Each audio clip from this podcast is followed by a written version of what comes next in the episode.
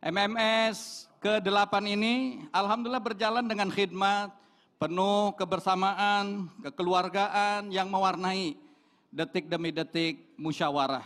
Dan alhamdulillah MMS kali ini dihadiri oleh seluruh anggota dari berbagai penjuru tanah air. Ini yang sebelah kiri yang tadi saya sebutkan.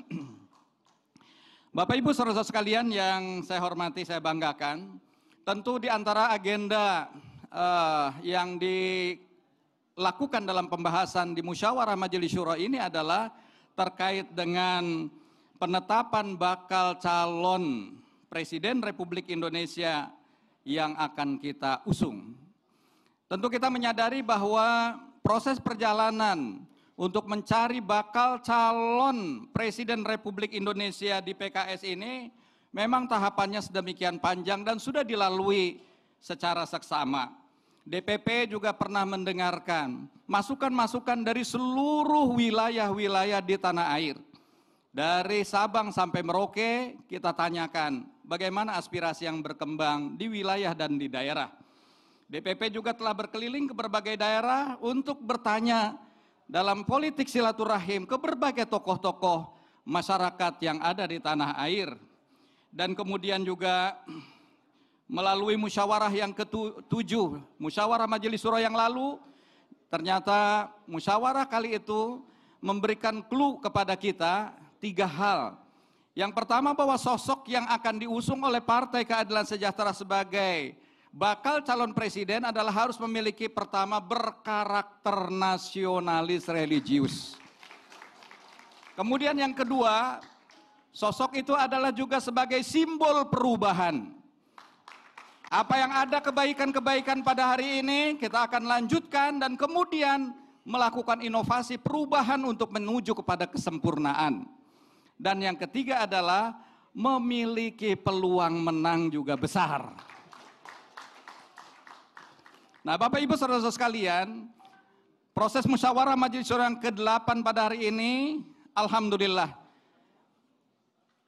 Pembahasan itu mengerucut bahwasanya sosok yang dimaksud pada musyawarah majelis surah yang ketujuh itu jatuh pada Anies Rashid Baswedan. Kami memandang bahwa tiga parameter yang menjadi uh, guidance pada musyawarah majelis surah yang ketujuh itu dimiliki oleh Bapak Anies Rashid Baswedan PhD. Yang pertama, Saudara Anies Rashid Baswedan adalah sosok pemimpin yang memiliki karakter nasionalis religius. Kita menyaksikan bahkan mungkin beliau punya darah birunya karena kakek beliau adalah seorang pahlawan nasional, AR Baswedan. Jadi kita yakin mudah-mudahan uh, darah biru dari kakek beliau ini sebagai pejuang yang alhamdulillah mendapat uh, gelar pahlawan nasional akan menurun dan diwarisi oleh saudara Anies Rashid Baswedan.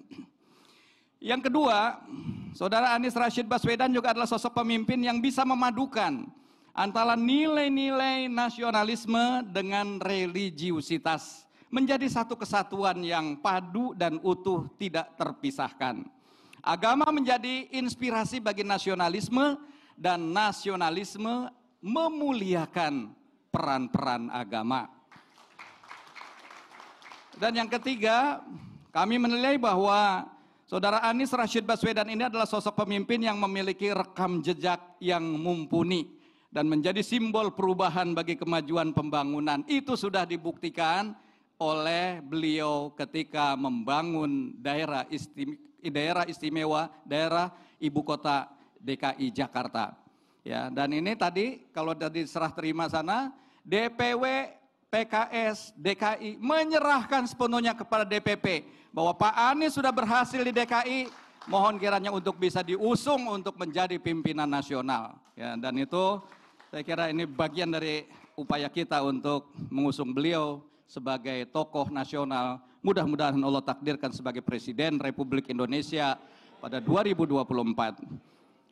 Bapak Ibu saudara-saudara sekalian, saya yakin betul bahwa saudara Anies Rashid Baswedan ini tidak hanya memiliki kapasitas dan integritas, melainkan juga insya Allah memiliki peluang menang yang besar dalam kontestasi pemilu di tahun 2024, Pilpres tahun 2024.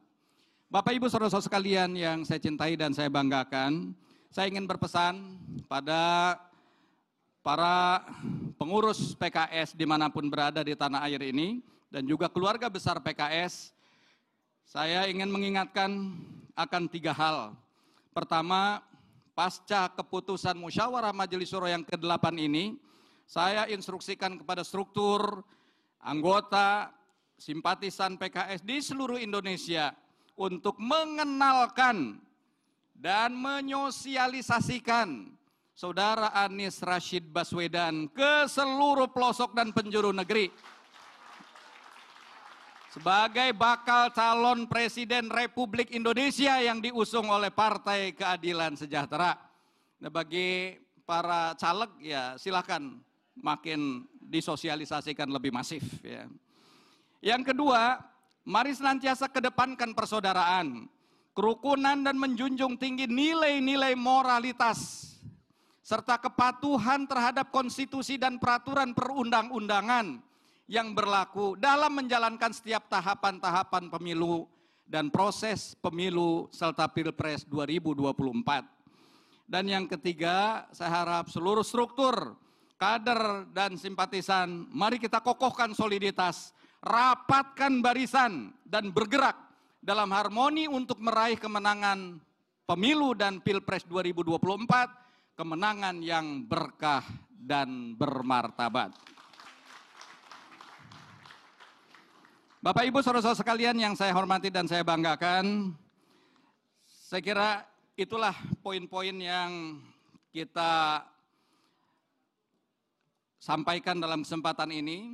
Saya sebagai bagian dari akhir pembicaraan saya, saya ingin menumpukan harapan saya dan Partai Keadilan Sejahtera kepada Saudara Anies Rashid Baswedan.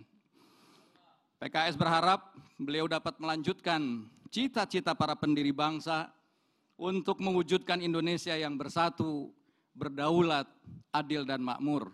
Dengan mengambil langkah pembaharuan berisikan perubahan dan kesinambungan pembangunan. Apa yang sudah baik hari ini kita sempurnakan dan perbaharui dengan semakin menyempurnakan agar tujuan mulia para pendiri bangsa akan semakin sempurna tertunaikan.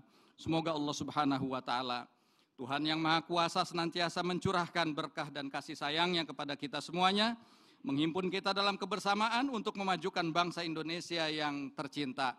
Semoga Allah Subhanahu wa taala karuniakan presiden mendatang yang dapat memimpin bangsa dan melunasi janji-janji kemerdekaan, membawa Indonesia menjadi bangsa yang lebih baik. Saya kira itulah yang dapat saya sampaikan dalam kesempatan ini. Pergi berjalan ke Tanjung Pinang. Berhenti sebentar memakan duren.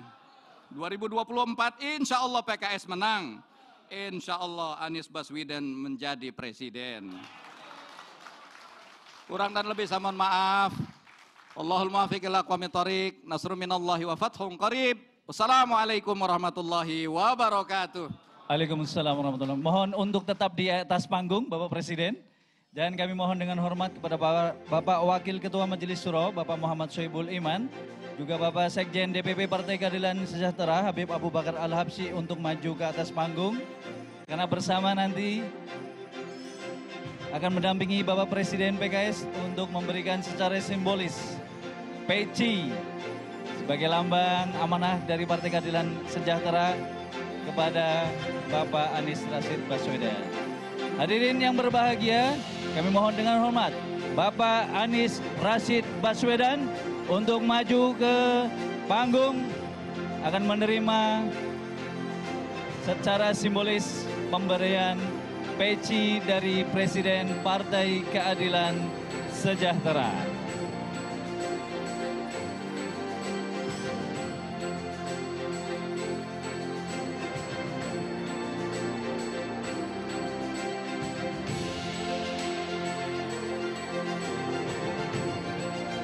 Inilah simbol dari amanah Partai Keadilan Sejahtera sebagai bakal calon presiden Partai Keadilan Republik Indonesia tahun 2024.